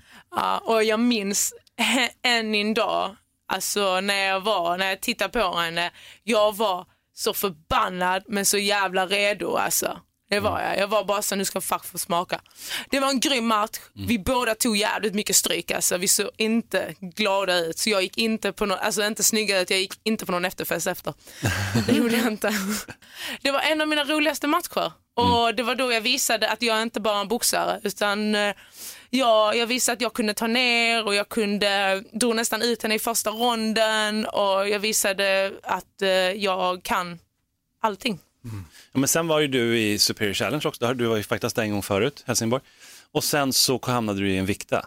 Och, Cage Warriors Ja, Invicta. Cage Warriors Invicta, precis. Och eh, blev känd för att du alltid höll på med din häck någonting. Berätta, vad är det? Jag uppfann, jag Det här uppfann, är inte jag som bara säger utan det. Jag uppfann en sexy scramble. För jag, jag är grym på att scrambla, men när jag scramblar så hamnar jag alltid i typ en reverse mount position som jag gjorde mot Sarah Kaufman också i Vikta Ja. och jag gör, för jag gjorde det med Cornelia när jag, när jag fightades med henne nu när jag mm. sparras med henne inför matchen. Hela tiden. Jag fattar inte hur jag hamnade i den positionen. Och sen av en ren eh, slump så hamnade jag på Jessies huvud då. Då tänkte jag, fan nej, alltså hon kan, om hon går ut snabbare än mig så har hon min rygg så då måste jag komma ut. Så jag bara började typ skakar bort mig själv så så- det ut som att jag hoppar på hennes ansikte. Men så kom jag ju till side så tänkte jag fuck det här är en grym teknik ju. Så jag hoppade över till side så det var nice fan. Jag vet inte var jag fick det ifrån. Ja, där kommer det från en sexy scramble. Ja, så det blev en sexy scramble där så du vet, eh, det fick jättekonstiga meddelanden där ett tag. Ja, du fick och, det. vet, så, Ja, var det fan. så såg jag mig själv på BJ Penns sida bara wow, det var inte det jag ville bli känd för. För det Nej, var en av mina bästa matcher. Mm. Jag bara fan in, snacka om matchen. Eller hur? Eller hur? Nu är din kille här och han skrattar lite grann. Jag hör det där borta. Vi var inte tillsammans då när Nej. sexy scramble uppfanns. Men det kanske är därför ni är tillsammans idag. Eller hur? Han kanske kollade Säkert. Han kollade på BJ Penns sida, så kom han från Stockholm till Köpenhamn på träningsläger, för det gjorde han. Ah, han gjorde det. Han bara, just det, Fanny. Ah, coolt, coolt. Ja, men sen eh, hade du en liten svacka, men eh, den vill du kanske inte prata jättemycket om. börjar Men, och sen så kom du tillbaka och Ja. sen eh, tuff. Och nu är du här tillbaka i Sverige och ska få köra för första gången, om jag inte minns fel. I Stockholm? I Stockholm. Mm. Ja, alltså min svacka tror jag är anledningen bara för att jag kom så långt i tuff också. Ja, såklart. Så jag, jag, jag uppmanar fighters som har haft svackor att berätta om det. Liksom. Mm. För du vet, det händer alla. Det händer alla elitidrottare. Jag menar, jag, jag har en, du vet, jag, ehm, innan jag gick finalen så sa jag också att du vet, jag vill bli minns som, minns som en, en av Sveriges bästa idrottare. Det handlar inte bara om MMA. Jag, menar, jag håller på att bygga ett legacy här. Inte Mm. bara liksom, "Åh, jag vill komma till UFC och sen bara kanske jag vinner, kanske jag förlorar, sen åker jag ut. Fuck det liksom. Mm. Det, ska vara, det ska vara mer än det. Det ska vara mer, folk ska minnas en för att man är en bra människa, för att man är en bra pedagog, man är en bra idrottare. Så. Men vi lägger ju jättemycket i det. Vilka är det egentligen som blir de här folkkära idrottarna? Och precis som du säger, det är ju så mycket mer än bara vad du faktiskt presterar i spåret. Definitivt. Och, Hur, hur var det Elin? Alltså, var, var Panny också nominerad? Någon förebildsnominering eller på? ja, du var Hans- nominerad till årets eh, kampsportare va? Eh, så? ja, årets kampsportare och eh, ja, ja, precis. Mm. Och sen den Sen kanske i framtiden en förebild, vi får, eller hur? Mm. Men, men att du mådde dåligt, var det för att du så att säga, identifierade med dina prestationer? Att det blev så kopplat till liksom, vad du eh, åstadkom? Ja, och sen märkte jag så fort jag förlorade, jag förlorade så många vänner. Jag förlorade min tränare. Mm, just det, där. Åh, det var shit. tu, var tu eh, vad heter han? Ja, han, han var min tränare. Men alltså du vet, vi fick ingen, du vet. Vi måste fick säga hans ingen... namn för annars blir Elin sur. Heter han mer än? Hörru, Skyll inte det här på mig. Du är otydlig. Det är det Vad han? Tue? Tio Tränka. Ah, så var det. Och sen så, Mm. eh, men alltså vi har haft bra stunder också men efter den förlusten blev ingenting Mm. detsamma. Och ehm, du vet, jag kände bara att jag förlorade väldigt mycket, mycket folk runt om mig och då, Mm. då bara kände jag shit men eh, är det så här det ska vara? Ska Mm. folk bara gilla mig bara för att jag vinner? För då vill jag inte ens vinna. Nej. Hur? Alltså fan, det var jättejobbigt att vara obesegrad. Jag fattar inte hur folk gör det egentligen. Mm. Jag fattar inte hur typ Khabib gör det. Eller hur? fan kan han gå 27-0. obesegrad? 27-0. Jag, shit, jag fick ju damp. Alltså, jag blev ju jättenervös. Och du vet, komma in där som 8-0 och möta Avenger. Hade jag idag fått välja så hade jag inte mött Avenger när jag var 24 bast. Det hade jag aldrig gjort. Jag hade velat möta henne när jag, var i min, när jag började gå in i min plan. Hade jag mött henne nu, hon hade aldrig sett solljus, jag hade spöat skiten ur henne. Nu. Eller hur? Hade Nej, hon men hon var ju som en nu? stor kvinna. Alltså, jag vet inte hur gammal var hon då? Vad kan hon vara? Alltså, hon så här- är ju 38 nu så Ah. hon var ju 35 Ja men exakt, hon var Ja. liksom ett så här, man brukar ju prata om det här liksom vuxenstyrka typ, alltså hon är ju så här bastant kvinna, alltså, hon Alltså- ser ut som en till två viktklasser högre liksom. Alltså det roliga, hon kuttar mycket vikt och Mm. eh, alltså nu, nu vill jag inte skrämma Lina så bli inte rädd Lina. Men hon är så jävla stark. Alltså det är Mm. Hon typ, ser ju stark ut men det är alltså. som att en snubbe tar i en. Jag fattar inte. Och jag minns bara att det gjorde så ont. Mm. I mitt ansikte. Speciellt när hon, alltså grappling visar inte så farligt men när hon låg på dig det kändes som att hur fan ska jag, ska jag räka bort dig? Just du är ju jättestor. Men hon, hon vann ju i, med TKO den gången. Var det ground and pound Ja, det va? var andra ronden. Alltså Mm. du vet, jag, jag är aldrig emot, du vet så, har domaren brutit så har han brutit, men jag var bara så, "Åh, snälla bryt, det här jag får Ja, det ont. var så, shit. ja, ja, nej, så Fy det var katastrof. Skönt att höra en fighter säga så, det är inte ja, så men det är ju vanligt. skönt. Det är ju- jag, gillar det jättemycket. Alltså. Men jag, alltså, jag vill inte skylla att jag var borta och inte mig själv, men shit, även, även om jag hade varit mig, mig själv i huvudet och allting hade gått så bra. Mm. Jag vet inte just då om jag hade vunnit för att jag, jag var inte vid den åldern redo för Mm. henne. Men nu, Ja. jag hoppas, jag hoppas jag får min revansch. Och nu tar vi oss till nutid då, Superior Challenge 19. Ja, Va- vad heter nu fighten hon ska möta Simon? Heter Eoni Razafiarison. ja. Så, ja, typ. Bra. Fiarison. Hur har du förberett dig för den fighten? Som innan. Alltså, jag, jag är alltid väldigt mån om att stay true to my style. Alltid. Jag försöker inte tänka jättemycket på vad hon ska göra. Jag vet vad hon är bra på. Men jag tar aldrig bort, en, tar aldrig bort panni från en gameplan. Det gör jag inte. Så alltså det är samma sak, även om hon är typ superbra på typ double X, det betyder inte att jag slutar sparka. Aldrig i livet. Jag måste, jag måste göra liksom min grej. Och eh, konditionsmässigt jag är alltid redo. Jag har aldrig haft dålig kondition i någon match. Har jag inte. Men eh, jag är så jävla glad att jag har fått tillbaka mitt självförtroende. Ja, och jag är så jävla glad att slåss igen. Ja, men, men, men, förbereder du dig så genom att studera motståndare eller nej? Alltså jag kollar kanske någon match, jag vet vad hon är bra på men jag försöker alltid titta på mina styrkor. Och, jag, och jag är en sån som tränar allting hela tiden. Jag kör inte bara en sak hela tiden utan jag, jag på en dag så boxas jag, så jag, jag grapplas, jag brottas, jag gör allting och så lägger jag ihop det. Jag kör väldigt mycket kombinerat, alltså MMA-träning. Jag kör inte bara en sak hela tiden utan jag försöker alltid blanda in hela gamet och jag kan drilla en sak i typ flera timmar. Så. Det måste vara jobbigt för henne ändå att möta dig för att hon är ju ganska så här allround.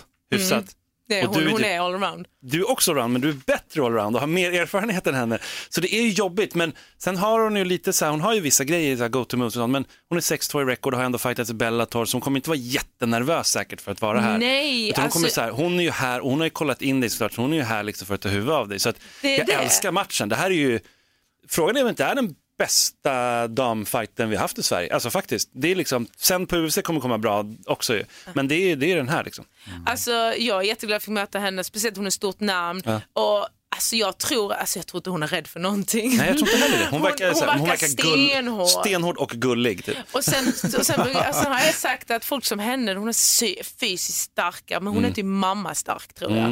Det är de som har fött barn, de är typ döstarka. är det så? Nej men de som är typ över 35, de är, eller över 30, de är skitstarka. Men man snackar ibland om att det finns att man, äldre män kan, man kan vara gubbstark. Hon är mammastark. Mammastark, jag har aldrig hört Hon är förut. mammastark. Det är riktigt bra Tycker uttryck. vi ska börja använda det ordet istället. Ja, Istället för gubbstark. Men typ Tonja var ju väldigt mammastark egentligen utan för ett barn. Hon jobbar ju i gruvor.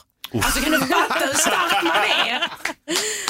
Alltså hon är gruvarbetare. Jäklar. Men det ska bli skitkul att möta henne och du vet jag är så pumped för jag tänker helvete vilken bra matchning jag får utanför UFC. Hur, hur går det i matchen? Vad händer? Berätta, Um, berätta rond för rond. Eller blir det mer än en rond?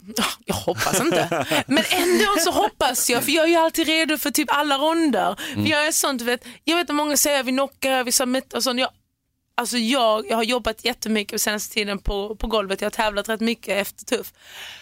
Jag vill bara dra ut någon, det hade varit så jävla kul. För jag har inte vunnit på submission i någon av mina postmatcher. Jag skulle så gärna vilja vinna på submission. Men jag ska inte tänka så. Du vet, jag tänker alltid det ska gå ronden ut och det blir ett krig och det är blod överallt.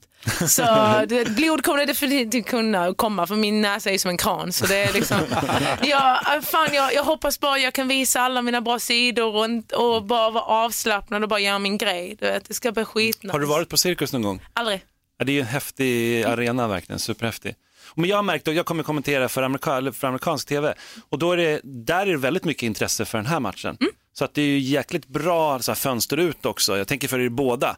Det är säkert därför hon tar det. För jag menar, skulle hon nu, vilket hon inte Precis, kommer, nej, tycker vi, slå dig, då har ju hon så här, hennes aktie har ju gått upp ganska Definitivt. rejält då alltså. Och, och för dig också. Jag gillar ju den här matchningen bara för hon har varit i Bellator och fightats mot Ja. bra tjejer så hon har ju vunnit över Sinad eh, Kavanagh också Exakt, exakt. och hon gick ändå rätt jämnt eh, mot eh, Olga Rubin som fightas över för fjärdeviktsbältet Mm, nu i Bellator och sen så gick hon också, hon vann mot Cindy Danoa på en rätt tight kamp. Mm. Ehm, men ah, jag, vet, jag, jag älskar den här matchningen och du Mm. vet jag är aldrig, jag säger aldrig nej till fistfight, det vet alla.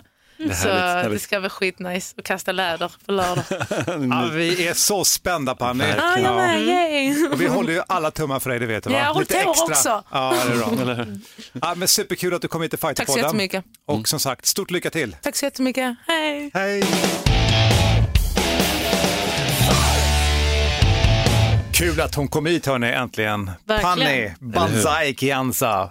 Superior Challenge 19 alltså i helgen. Spännande, vad tror vi då? Verkligen spännande. Det där är en Alltså väldigt tuff pepp match. på ner. Det är så Alltså, kul eller- att bara vara i samma Att hon- rum som Att hon henne. var bantade nu, alltså hon hade sån energi. Ja, 800 kalorier. Aj, är Ja, det är. Mm. häftigt. Jag tror att det blir en väldigt tuff match. Jag tror att Panny tar den. Jag tror, jag, hon bör vara favorit i den matchen. Jag tror att hon kommer vinna den.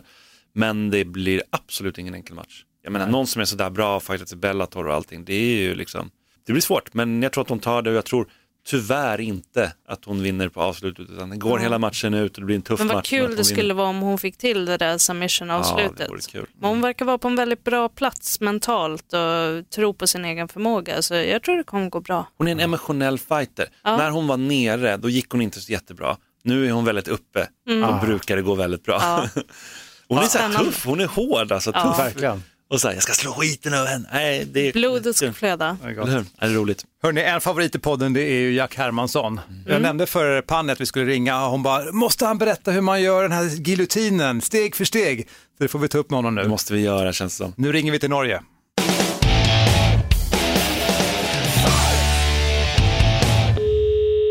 Ja, hallå Jack. Jack Hermansson, det är Fighterpodden! Hej. Alltså legenden!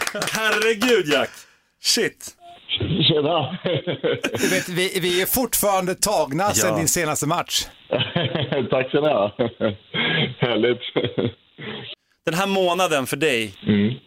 den är helt galen. Men det, alltså, det är inte bara för dig, det är för oss också. Ja, tack. Det är alla. Ja, Det är lika intensivt att följa som att köra Ja, nästan. nästan, eller hur? Nästan. Ja. Nej, men det, det har varit magiskt liksom. Kan du inte bara berätta lite hur... Har du börjat landa nu? Ja, jag börjar att landa, eh, men det har varit mycket uppmärksamhet och, och mycket tryck liksom. Och, och det har varit lite annorlunda än, än vanligt. Eh, Det var ju ganska sjukt att gå från eh, min, min karriärs största vinst till att få en ännu större match under väldigt kort tid. Så det kände jag ju på liksom att man eh, man är alltid lite urladdad efter en match och, och sådär. Och, och det var den största utmaningen egentligen. Det var liksom att ladda om mentalt och, och sådär. Man kommer precis hem från den andra matchen, man har jetlag, man är urladdad. Och så bara, ah, nu har det en ny match och nu ska du på presskonferens i Atlanta och så ska du liksom... eh, Så jag bara, okej, okej. Men det var, det var en rolig resa och, och den fick ett lyckligt eh, slut. Så jag är jäkligt nöjd med, eh, med att jag tog matchen och att, eh, att vi körde på. Och, och nu är jag i en jävligt skön position. Men när vi har pratat med dig varje gång så har du alltid varit väldigt säker på din fighting. Ja. Men jag tänker alltså, om jag hade varit Jack Hermansson nu så radar jag upp så här, Taylor Slates, Gerald Merchart, Mm. David Branch och nu sista då, Ronaldo Sousa. Ja. Ja, det är... Hade, hade, du, hade du på riktigt verkligen den bilden att du skulle ta dem? Ja, ja. ja ja, ja. Nej, det, det, jag, jag har eh, alltså, otrolig tro på att, eh, eh, på, på att, jag, att, jag, att jag kan vinna över alla. Och, eh, och jag har liksom eh, jag har ett tag nu haft eh, titeln liksom som, som ett mål och, och verkligen, eh, alltså jag, jag, jag går så otroligt helhjärtat in i den här sporten. Och jag känner liksom att just nu så, jag, jag, jag skulle inte gjort om det inte var så att jag verkligen trodde att jag kunde bli bäst. Så, så jag tror jag kan slå alla som är där ute och äntligen så tror jag att folk tror det också. Det är inte bara jag som tror det längre. Det är väldigt många som tror det nu och, och Ja. väldigt många som gillar det också för att du har så ödmjuk stil och du, du, man skulle kunna säga det du säger nu fast på ett spydigt sätt, Ja. men du är mer så här, du är den du alltid varit. För jag Ja. kollade det innan, innan nu vi ringde dig att 2011 gjorde jag min första intervju med dig och då, jag, då skrev jag någonting att han är en sån stor talang, han är hur grym som helst. Sen hamnade du i Bellator ja, och, där, och så din resa är här, lite lik ändå Alexander Gustafsson, du vet, för att Ja. när man tar en förlust och lär sig någonting verkligen av det. För det, de där två förlusterna där, då var det så här, ja, Jack, du vet, vi får se hur bra han kommer bli. Ja. Det var många som ändå misstrodde dig där. Du bara körde på och bara vann, vann, vann, vann, vann Ja. hela tiden. ja, ja nej, men det, och, och- det, var, det var det liksom man fick, eh, fick bevisa lite efter det här. Och, Både för folket och för, för UFC.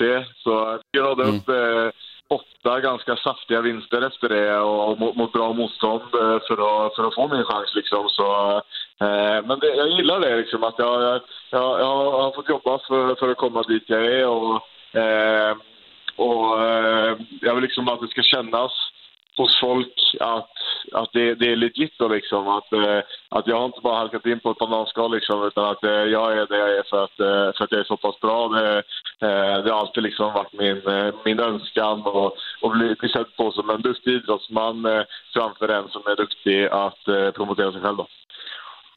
Men om vi, om vi bara pratar lite om den här senaste matchen.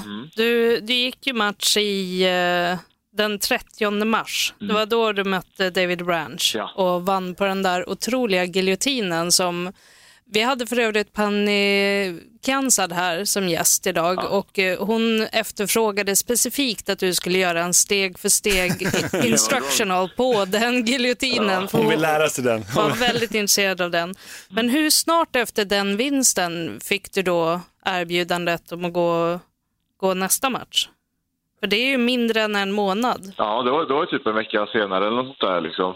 Så jag hade, eh, ja, så, så eh, ja, ungefär en vecka efter, efter eh, vintern vinsten mot Branch så, så, så fick jag veta att jag skulle gå, eh, ja, eller fick erbjudande om att gå den andra matchen. Så jag hade ju lite... eh, ja, och så har vi lite resande och så lite vila där, så jag, jag, jag hade inte mer än jag hade verkligen inte mer än tre veckors träning. Eh, två veckors typ bra träning. Innanför, om man säger liksom ett fokus på, på Jacare.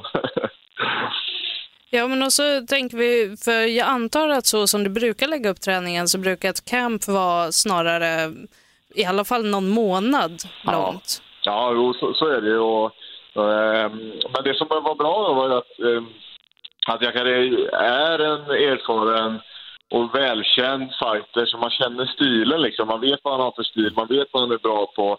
Så det var liksom ingenting jag behövde läsa in mig på, utan det var bara mer en omställning. Så det var inte så farligt ändå, eh, faktiskt. Så eh, det, det är värre med okända motståndare. Då måste man ju studera ganska noggrant för att fatta liksom hur de fightas. Men, men Jacare visste jag liksom, eh, ja, jag har ju sett typ alla hans matcher och, och sett på han som en motståndare länge och, och tänkt liksom att ah, fan, han kommer jag möta en dag liksom. Och, och tänkt liksom hur jag ska slå honom redan innan då.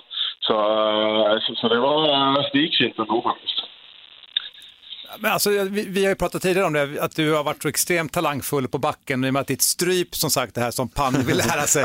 Har, du något, har, har, har du något, det är ju inte, det är ju inte en giljotin i och med att du har liksom klämt in vad säger, armen i det där också. Ja, den är omvänd också på något Ja. sätt. Mm. Ja, det är en liten specialare. Eh, det, det Coringa, Coringa choke kallar vi den. Det, det betyder eh, joker-choken. Coringa är, är, är the joker på, eh, på portugisiska. Eh, nej, men Ah, det- the Joker show. Ja. Mm. Det låter ju ganska kul på svenska också, jokersåken. Ja, det är jättebra. Ja. Väntar tills de börjar säga det när Joe Rogan ska kommentera. Here comes the joker ja.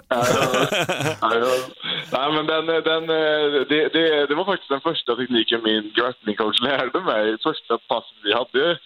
Eh, så, men, men eh, den har inte suttit sedan dess, utan det är liksom någonting som jag har prövat på eh, på senare tid liksom och, och börjat sätta mycket på träningen. Och så har det liksom blivit min nya favorit och, och så tänkte jag liksom, ja men nu är det dags att börja köra den i, i matcher också för jag drar ut alla på träningen bara. Så, Jag menar, men du är ju också en, du, du är ju så pass duktig BI-utövare så du har ju järnkoll på Jacare. ja, absolut. Och att du nästan sätter den på honom. Ja, det är sjukt. Alltså det är helt sjukt. Du vet, alltså, vi, den kvällen, vilken, vilken film som ens kan gå på bio, den, den, den entertainment som du bjöd på den kvällen, Jack, det är helt Det fantastiskt. är helt fantastiskt, helt otroligt. Jättesnällt. Ja, men det, men jag, också någonting som jag har märkt nu, för nu, vi som har följt det liksom sedan början, vi har ju sett alla matcher, men nu har ju folk börjat liksom antagligen fultanka ner eller vad de nu än gör, men att folk tittar på dina gamla matcher bara. Och jag såg någon häromdagen som skrev en amerikan att vad hände med Jack? Alltså de tog det som, ett, som en mystik, typ. Så här, vad var det som gjorde, för de tyckte inte att du såg så stark ut, men helt plötsligt någon gång i Cage Warriors så var ju du så här otroligt stark i din ground and pound. När du liksom knockar en kille som du har rygg på också där. Alltså den grejen, det, det är ju galet. Vad, vad, hur förklarar du det? Eh, Jag tror bara det är liksom mitt driv och, och, och min önskan om att bli bra, bra i sporten. Eh, Det är inte så, liksom, jag är inte bara en av de personerna som sticker och tränar och tror liksom att jag blir bättre. Utan jag tänker på det dygnet runt. Jag studerar matcher, Eh, videos, filmer. Eh, jag frågar liksom och prövar att försöka till med kunskap precis överallt. Och så har jag liksom, ja, är det någonting jag vill lära mig så ser jag till att jag, att jag lär mig det. Och bara, det, är liksom, det är mitt driv och min önskan om att bli bra som, som har gjort att, eh, att jag har haft en stadig eh, utveckling. Och, och jag tror man ser den fortfarande. Och många av dem tror, när de känner liksom att de börjar få lite framgång så, så nöjer man sig lite med hur, vad man gör. Men jag ser till att alltid alltid rannsaka mig själv, alltid prata med mina coacher, prata med alla jag har runt mig. Liksom, vad kan jag göra för att bli bättre? Och sakta men säkert så har jag blivit bättre och bättre och bättre. Och, och eh, nu så är jag så pass bra att jag kan prestera på den högsta nivån. Ja. Men, men alltså Jack, har du alltid varit sån eller har du blivit sån? Jag har alltid varit väldigt driven, men eh, med erfarenheten så har, har jag liksom...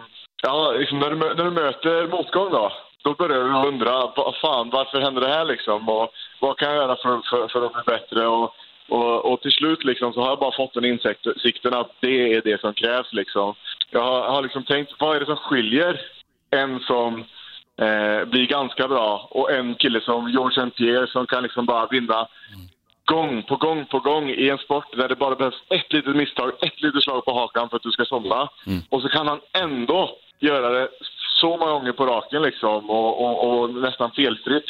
Varför kan han göra det? Liksom så här, jag tränar allt vad jag har, jag tar i allt vad jag har på träningarna. Och, och jag tror det är den, den frågan där som har drivit mig till att få den eh, kunskapen. Det är spännande, alltså, jag tänker mig också många fighters som inte har gått så många matcher som kanske lyssnar på dig nu och tänker att Tänk dig själv nu, nu kommer de titta på dig och bara, hur har han gjort? Det, är så här, det, blir, det är ganska intressant, du, det går ju liksom vidare hela tiden. Du, vad, vad är härnäst för dig Jack? Alltså jag pushar ju för att få möta Kevin Gastelum. Jag tror, alltså jag, man är sugen på, på de som är högst rankade. Adesanya och eh, Whitaker Whittaker ska gå. Nu blir det annonserat Paolo Costa och Romero. Det var precis vad jag väntade mig. Så, så tänkte jag, ja men Kevin Gastelum han kommer från en episk match med Adesanya. Eh, han behöver nog vila lite nu precis som jag och så kan vi mötas till hösten. Det, det tror jag hade varit perfekt. V vem vill du inte möta? Nej, de, de som är lägre rankade än mig, det är de jag inte vill möta. För jag vill, inte, jag, vill, jag vill klättra uppåt liksom. Och sen så spelar det ingen roll. Så, som sagt, jag, jag vill att folk ska tycka att jag har vunnit över de, de bästa för att, för att komma dit, dit jag ska helt enkelt. Så, eh, och sen så, ja, om man tar titeln så gäller det bara att försvara dem mot dem som, om det är någon man, de tycker att man har missat på vägen. Då. Det är så jag tänker. Jag vill bara möta dem, möta de bästa helt enkelt. Det är ju en drömmatch att se dig mot Whittaker. Ja, Ja, det vill man ju till slut. Herregud. Ja, jag, tror, jag tror det hade blivit stilmässigt en jävligt rolig kamp faktiskt. Ja, det, det hade varit, eh, ja, den, hade, den hade haft alla olika sorters av fighting med sig tror jag. Adesanya också, alltså den Mm. Israel, alltså också väldigt spännande, mer en specialist då. Ja, och ta hand om det- hans stil och liksom, jag tror att du drar ut honom faktiskt, men, men ändå så här, Det, ja, det blir ju lite så liksom så här, ja, ja, eh, får jag ner Adesanya då känns det som att det är min match liksom. Och det är Ja, inget ja, snack om saken om att det kommer vara tufft även om jag är bra stående så han är jävligt vass stående. Och det, han är vass alltså. Ja, så det, så det, det, det är klart att jag hade velat ta den matchen till, till backen. eh, eh, Där han tror jag har en stor fördel. Och Romero, jag menar hans kondition är inte alltid den bästa med tanke på hans muskler och det. Så att, men han är ju den, när han ändå är vass, då är han jäkligt vass. Jag, jag såg den här intervjun du gjorde med Ariel Helvani där och det var ju så här, du är typ den enda som så här, säger, ja nu Paolo också då, men eh, Costa där, men annars är det ju du bara den enda som typ sagt det på flera år, som vill möta det där kubanska monstret. Folk, folk nämner inte hans namn liksom. Folk är så jävla rädda för Romero. Skiträdda för honom liksom. Men då ska man ändå tänka, det var split decision mellan honom och Jacare och jag menar, du vann betydligt tydligare mot Jacare. Så att jag menar, du, du tar honom tror jag. Jag tror Ja. verkligen det. Ja, nej, det, det, det handlar bara om att inte jag ska bli knockad. Eh, om jag inte blir det tror jag, tror jag att jag vinner. Eh, för det, det är den chansen han har. Så ser jag också. För, för, eh, speciellt om det är en huvudmatch och det är en femrondare. Det finns ingen chans att han kan hänga med i min. Det, det, är Nej, omöjligt.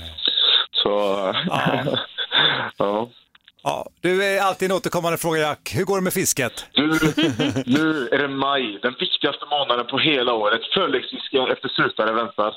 Jag är sjukt sugen. Oh. Jag sticker ner till Uddevalla här nästa vecka och då väntar fyra dagars sutarfiske. Ja, vad nice, vad härligt. Härligt. Ja, här, hade Hans Wiklund varit här kunde ni fördjupat det lite grann i det här specimenfisket, men vi gör inte det. Ja. Nej, men du Jack, eh, som sagt, vi eh, än en gång hoppas kunna se dig här i Fighterpodden när du är här i Sverige och sen såklart eh, pratar vi med dig inför nästa fight. Det gör vi. Tack så hemskt mycket för att jag fick prata med er. Ha det gott Jack! Ha det gott. Hej, hej! Hej då. Hej!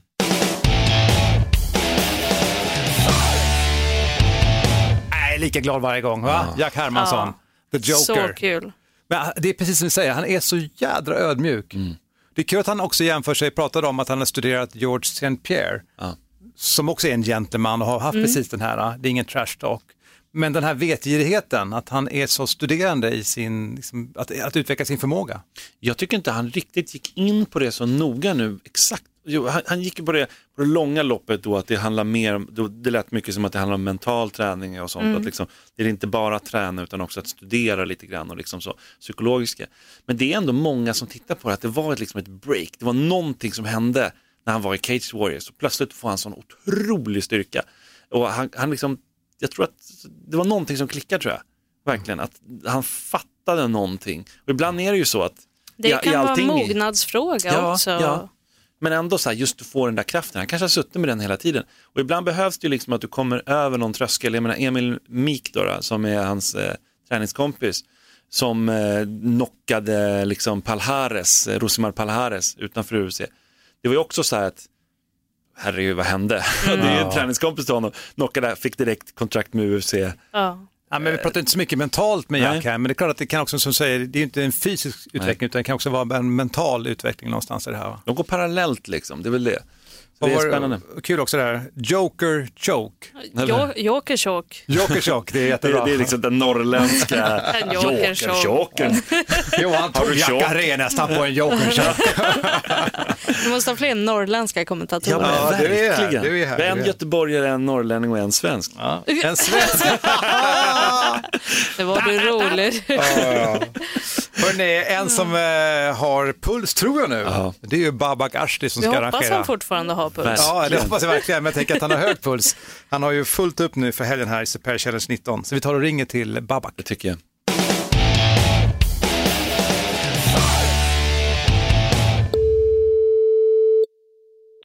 Hallå? Babak, detta är ju Fighterpodden!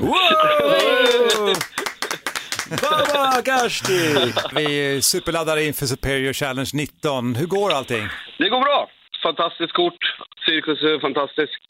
Ni som var där förra gången, eh, vi har en liten gladiatorinramning där. Utformad lite grann som en amfiteater och vi fyller hela golvet med MMA-buren. Det är en jävligt häftig arena för fighting. Ja, det mottogs väl sist och vi är glada att vara där igen. Sen har vi två fantastiska titelmatcher. Eh, Simon Sköld mot Diego Nunez i fjädervikt och eh, Dylan Andrews mot Niko Musuke i mellanvikt. Ja, det är ju fantastiska matcher båda två. Men jag tror många tänker så här, hur fan ska Simon kunna slå Diego Nunes?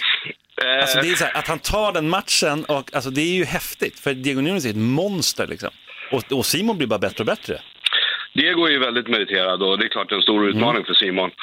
Eh, men eh, det visar också vi- var Simon vill vara och på vilken nivå han vill vara. Så att det är all cred till Simon som tar en sån match tycker jag. Och man vill ju se en underdog vinna, eller hur? Det är en svensk också. Man, alla kommer ju heja på honom. Det är skitkul. Ja, ja, fantastisk match. Och eh, jag tror Simon kommer ge allt i den här matchen. Grym match. Dylan Andrews, också en svår nöt att knäcka.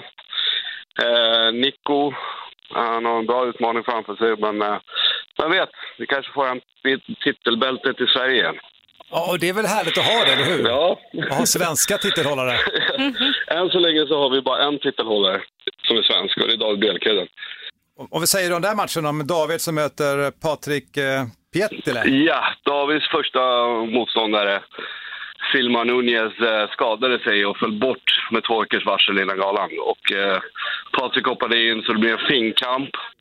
Ung, hungrig fighter som, eh, som, eh, som tog matchen eh, direkt när han fick erbjudandet. Och, eh, Wow. och han är nog hungrig och laddad.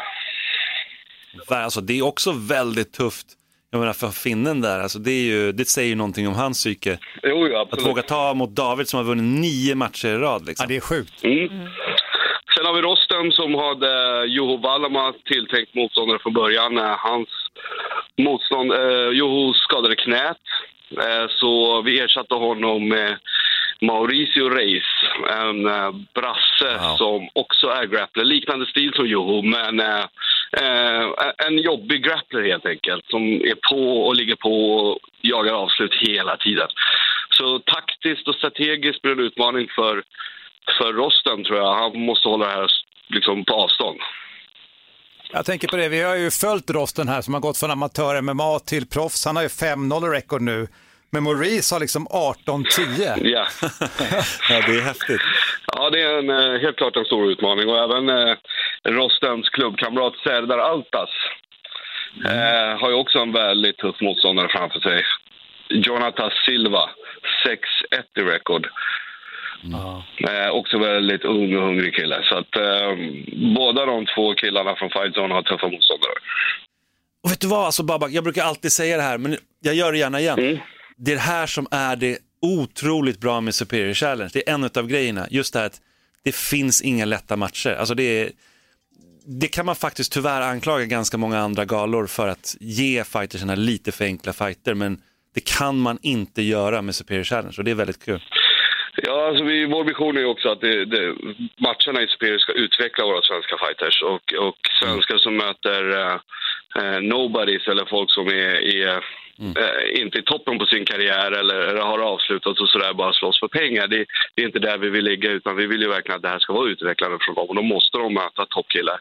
Och självklart måste vi matcha på, på viss nivå som är rimligt också matchningsmässigt men det ska alltid vara en tuff utmaning som utvecklar dem i deras karriär. En match till vi är jättenyfikna på. Vi har ju haft Panni här idag i Fighterpodden. Mm. Som ska möta Indy som jag inte kan säga efternamn på, Simon. Ione Fierrison. Eh, tuff, stående striker-match. Eh, båda tjejerna är tuffa. Eh, Panni tycker jag är bland absoluta toppen eh, inom svenska kvinnliga fighters. Så det är kul att få tillbaka henne från UFC. Och eh, jag tror att det blir en riktigt, riktigt bra match. Och jag, den är ju ganska högt upp på, på kortet också. Och det förklarar lite grann på hur vi ser på den här matchen. Vi, vill, vi tror att underhållningsmässigt och kvalitetsmässigt så kommer den hålla väldigt hög nivå. Det är ju väldigt kul att ni får in den matchen och det är ju någonting som eh, Panni också själv sa när vi pratade med henne nu att eh, hon upplever ju att hon har ju fått en bättre matchning än vad många andra tjejer får i UFC. Så det, det är verkligen en riktigt bra matchning för henne och som Simon påpekade också under den intervjun så kommer det förmodligen vara väldigt många under den amerikanska sändningen som är väldigt intresserade av den här matchen. Så när vi liksom är inne på det, hur stor spridning har Superior internationellt? Galan kommer att sändas live på TV10 i Sverige och sist slog vi tittarrekord eh, med 250 000 tittare. Så jag hoppas att vi slår det igen. Uh, och sen sänder vi live på Viaplay och uh, Viaplay sänds i Sverige, Norge, Finland, Danmark. Och utöver det, utanför nordiska regionen så sänder vi live på Fight TV globalt. Så vi har ganska bra räckvidd. Ja, spännande. Och det där du Sann kommenterar va? ödmjukt, sann ödmjukt. Ja, men, ja, precis, där kommenterar jag. Nej, men det är ju kul, alltså, det är ju, Superior är ju uppe där, ja, men det är ju vår Premier League liksom, så det är ju det är riktigt roligt. Ja. Ja, eh, och eh, vi får inte glömma förmatchen här, eller inte förmatchen, första matchen eh, där Morad Moreno gör proffsdebut. Han möter en ganska meriterad finländare, i en finkamp till, Mika Koronen. Och, det blir en tuff utmaning för Morad. Mika är väl mer en grappler, brottare och, och Morad är ju en före detta boxare. Så jag tror faktiskt det kan bli en av kvällens matcher. Eller hur? Om, man vill gå, om man, de som lyssnar nu vill komma och kolla till på eh, invägning och sådana där grejer, vart gör man det och när är det? Invägningen kommer ske på Haga Health Club, eh, Frösundaviks allé 11 klockan 5 på fredag. Och då är alla välkomna. Eh, kommer att bjudas på lite show och så lite AV efteråt också till och med. Ja, härligt. MMA och AV, vilken kombo. Det är mycket snälla människor som kommer. Det är Bästa bokstavskombinationerna. Ja, men det blir lite en unik upplevelse. Det blir liksom som en, som en underhållningskväll och inte bara, bara, bara vanlig AV utan det här blir lite speciellt, det blir lite annorlunda. Eh, och, och sen har jag faktiskt glömt en, en annan match, det är Bartosz. Eh, Bartosz Wojcic. Eh, och även han har en tuff motståndare. Eh, även han, som alla andra svenskar, har vi försökt matcha, matcha ganska tufft och, och han möter en peruan. Eh, Wilbert Håman. Eh, som, som har gått ungefär tio matcher om jag minns rätt. Jag kommer inte exakt ihåg hans rekord. Jag tror han har 6-4 i rekord eller något sånt. Och det är också den tuffaste motståndaren i Bartosz karriär och Bartosz har faktiskt eh, påvisat ganska, att han är väldigt rutinerad för att ha gått så få matcher. Han har 3-0 nu. Eh, och eh, jag tror att Bartosz kan gå väldigt långt och kan bli en av våra framtidskillar. Verkligen. Robin Roos, det är- thaiboxare, han går också match mot JP, grappler, Stockholm-Västerås-derby. Och Robin Roos är hypad alltså från sin, eh, sin amatörkarriär ju. Ja, ja, Så det blir spännande att se honom, hur han är nu på, i proffs, som proffs. Eh, ja, eh, han har ju en thaiboxningskarriär också innan. Mm, just det. Eh, så det blir lite striker mot eh, grappler. Men JP, när han var i fighterpodden och ses sist, sa ju att han inte ser sig själv som en grappler. Eh, han är nog en grappler Han är grappler. Jag tror också att han är en grupp. Men JP är tuff. JP är jävligt tuff. Han är Jag blev jävligt imponerad av hans match sist mot Adam Westlund också faktiskt. Eller hur? Eller hur? Ja, och du då Babak, hur är pulsen? Pulsen är hög, men det är så det ska vara. Ja, det är härligt. Ja, det är ett fantastiskt späckat kort. Lika kul varje gång Babak och som sagt, lycka till på lördag nu med Superior Challenge 19. Tack så mycket och tack för att ni har mig. Hörrni, vilken späckad podd det har varit idag. Ja, Panni och vi har pratat med Jack Hermansson och senast här nu Babak Ashti då, som är grundaren av Superior Challenge. Men han verkar ju ganska lugn. Ja, 19 galor, han har väl lärt sig det här nu. Det är lite rutin i, i det där skulle jag tro. Ja, men jag vet inte, lät han verkligen så lugn? jag tyckte att han var ganska... Men det är Nej, men jag alltså... tänker att de har stött på, genom åren har ju Superior stött på så många olika, prob- alltså olika problem. Minns du när eh, det var den här Eyjafjallajökull-vulkanen som Mm. spydde ut aska över hela Europa så inga fighters kunde flyga in. Just det. Så då fick man ju skjuta på den galan någon vecka och ja, det har ju varit mycket som har varit svårt. Ja, men det är, det är ju inte lätt att arrangera en gala på den Nej. nivån. Liksom, att kunna hålla då så många år också. Mm. Och förhoppningsvis också kan de till slut stoppa någonting i fickan. För det, det känns som att det är, det är tufft ändå att hålla galor. Ja. Men det är ju liksom, det är ju bra galor. De har också varit runt i Sverige med Superior, jag menar, det var lite upp och ner med det och nu är de liksom plötsligt på cirkus och kör det här, alltså en nivå upp och så har det var AV dagen innan med Mm. invigningen. Alltså det är häftigt. Ja men det är någonting som händer, men det precis det är häftigt och någonting, det behövdes ju redan när de kom tillbaka till Stockholm.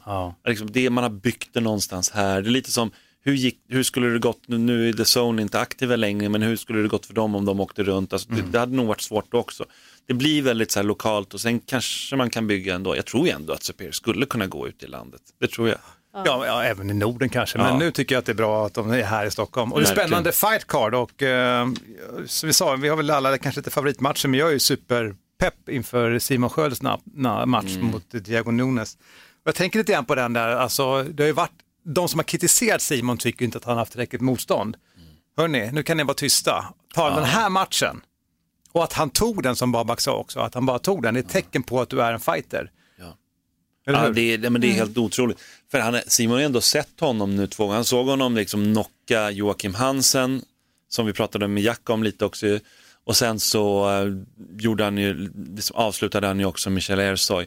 Så att jag menar, han är en världsfighter. Alltså. det är, han är ju på liksom det är en världsnivå. tuff match verkligen. Och Simon Sköld visar ju att han inte bara snackar om att han vill komma till UFC. Nu är han 9-6 i record Simon Sköld och Mm. jag menar 10-6 och har slagit Diego Nunes. Då är det så här, oj, wow. Det händer något ja. Det är en match kvar skulle jag säga, sen är, Mm. sen är han i UFC typ. Hörni, alltså vilken helg, vilken fightinghelg. Ja. Har du någon favorit förresten Elin på det här kortet? Eh, nej, Du gillar väl Nico Musoke? det ska bli jättekul att se Ja. honom. Mm. Det, och jag hoppas att, det- att det blir en bra match. Ja. Men eh, jag ser bara fram emot hela galan och inramningen på det sättet. För jag var inte där förra gången det var på Cirkus. Så jag ser väldigt mycket fram emot det. Nu kommer du vara där. Nu kommer jag Vad roligt, vad roligt. Också spännande såklart eftersom Panni var här. Vi är lite Mm. Ja, men nu hejar man ju väldigt mycket på Panny. Ja, det gör man. Det hade jag gjort annars också, men ännu lite mer. Eller hur? Hörni, eh, lång podd idag, men som sagt vi ska knyta ihop och du som lyssnar, hör gärna av dig till oss, fighterpodden at fightermag.se och om allting funkar så kommer det varannan vecka. Vi får se. Det hoppas vi. Ja. Elin Blad, Tack. Simon Kölle, Ja, arigato. jag höll på att säga Simon Sköld igen. Och Mårten Söderström tackar för idag. Vi säger då... Oss!